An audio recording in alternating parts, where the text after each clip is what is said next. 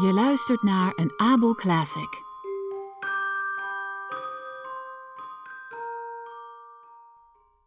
De nieuwe kleren van de keizer. Hans Christian Andersen. Vele jaren geleden was er een keizer die zo dol was op nieuwe kleren dat hij al zijn geld uitgaf aan zijn kleding. Hij bekommerde zich in het geheel niet om zijn soldaten. Nog ging hij naar het theater of op jacht. Hij gaf alleen om nieuwe kleren en deze vervolgens uitgebreid te tonen. Voor elk uur van de dag had hij een andere outfit. En zoals men van elke koning of keizer gewend is te zeggen: hij is in bespreking, werd er van deze keizer altijd gezegd: de keizer zit in zijn kledingkast. De tijd verstreek in de grote stad waar de keizer woonde. Iedere dag kwamen er vreemdelingen aan het hof. Op een dag verschenen er twee schurken, die zich wevers noemden. Zij vertelden dat zij stof konden weven in de prachtigste kleuren en met de prachtigste motieven, waarvan de kleren de wonderbaarlijke eigenschap moesten hebben om onzichtbaar te blijven voor iedereen die niet geschikt was voor het ambt dat hij bekleedde of die buitengewoon eenvoudig van karakter was. Dat moeten inderdaad prachtige kleren zijn, dacht de keizer. Als ik zo'n pak had, zou ik meteen weten welke mannen in mijn rijk ongeschikt zijn voor hun ambt en zou ik ook de wijze van de dwazen kunnen onderscheiden. Deze stof moet onmiddellijk voor mij geweven worden. Hij liet grote sommen geld aan de beide wevers geven, zodat zij onmiddellijk met hun werk konden beginnen. De twee wevers zetten twee weefgetouwen op en deden alsof ze druk bezig waren. Maar in werkelijkheid deden ze helemaal niets.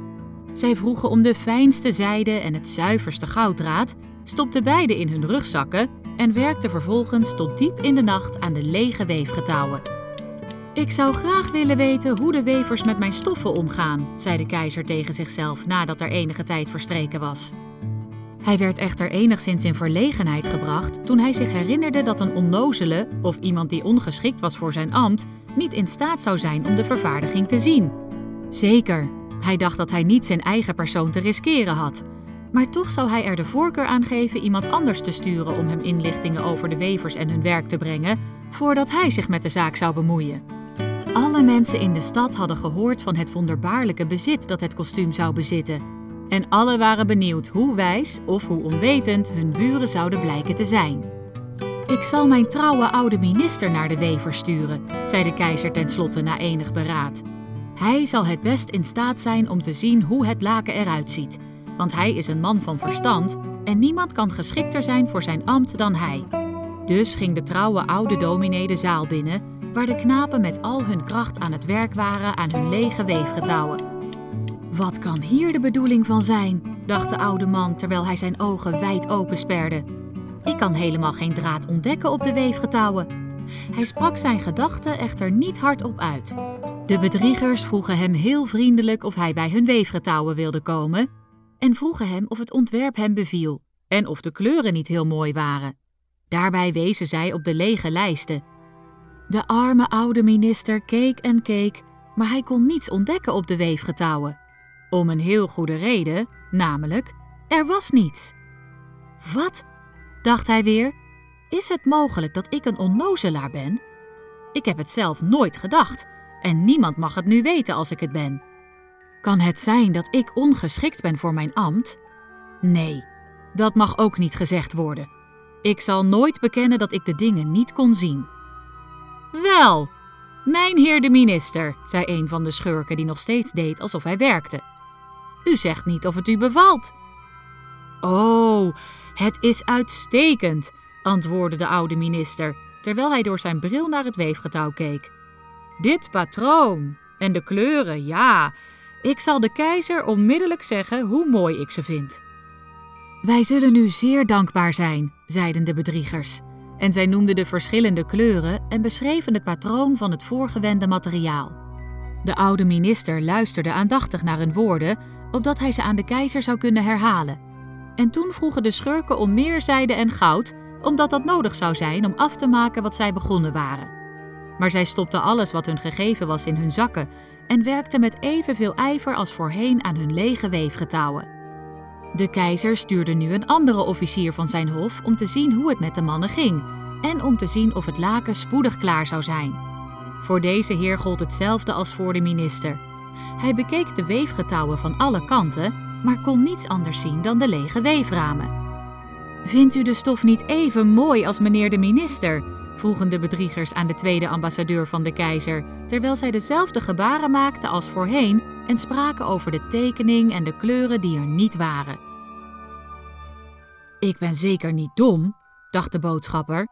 Het moet zijn dat ik niet geschikt ben voor mijn goede winstgevende ambt. Dat is heel vreemd, maar niemand zal er iets van weten. En dus prees hij het spul dat hij niet kon zien en verklaarde dat hij verrukt was over zowel de kleuren als de patronen.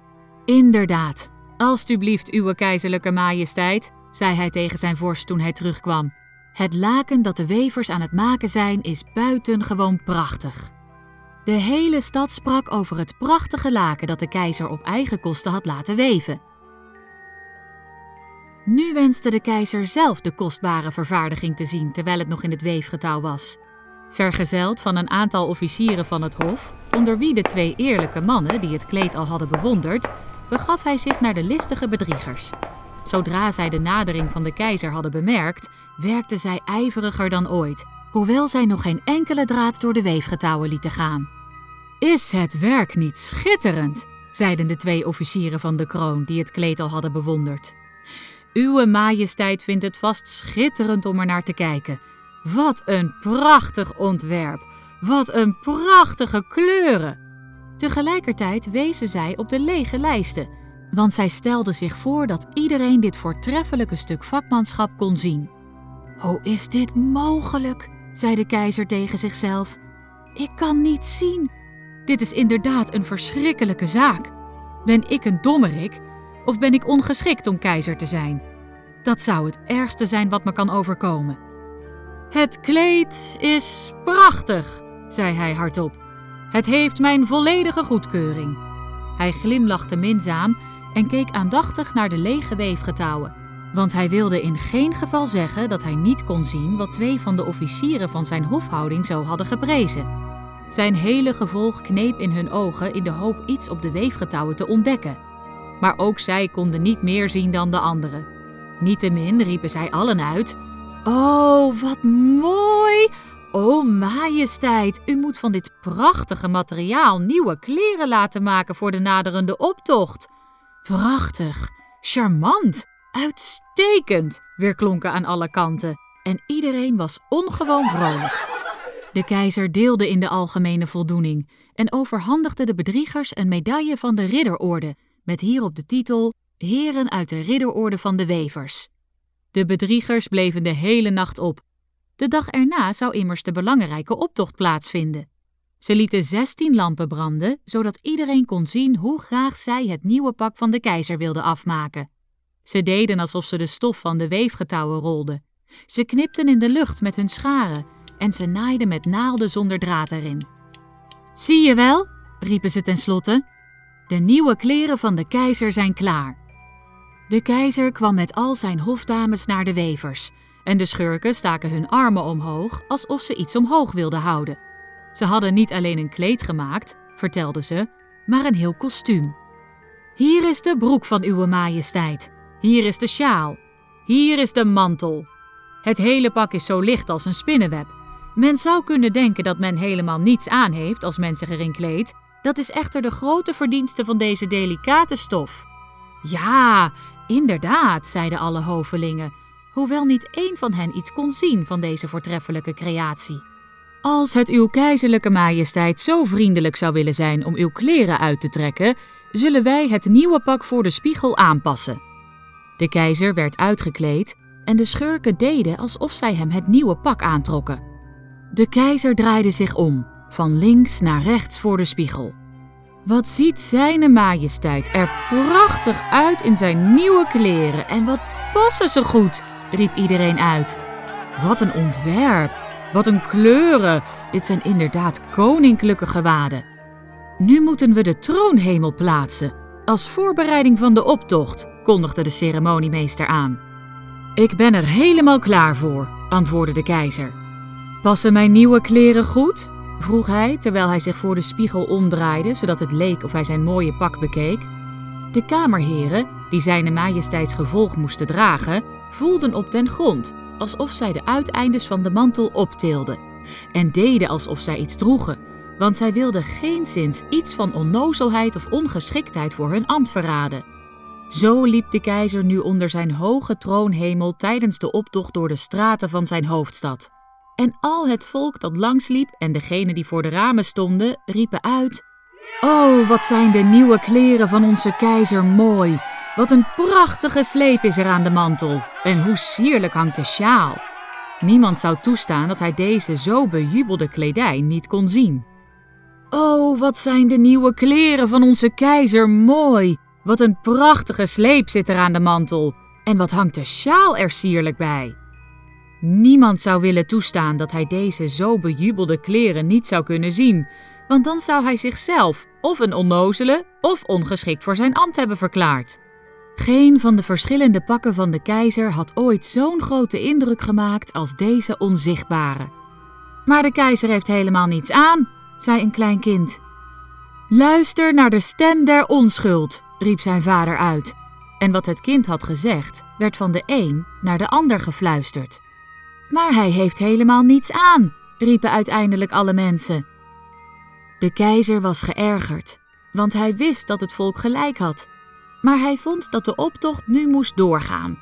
De heren van de slaapkamer deden meer moeite dan ooit om te lijken alsof ze een sleep omhoog hielden, hoewel er in werkelijkheid geen sleep was om vast te houden. Je luisterde naar een Abel Classic.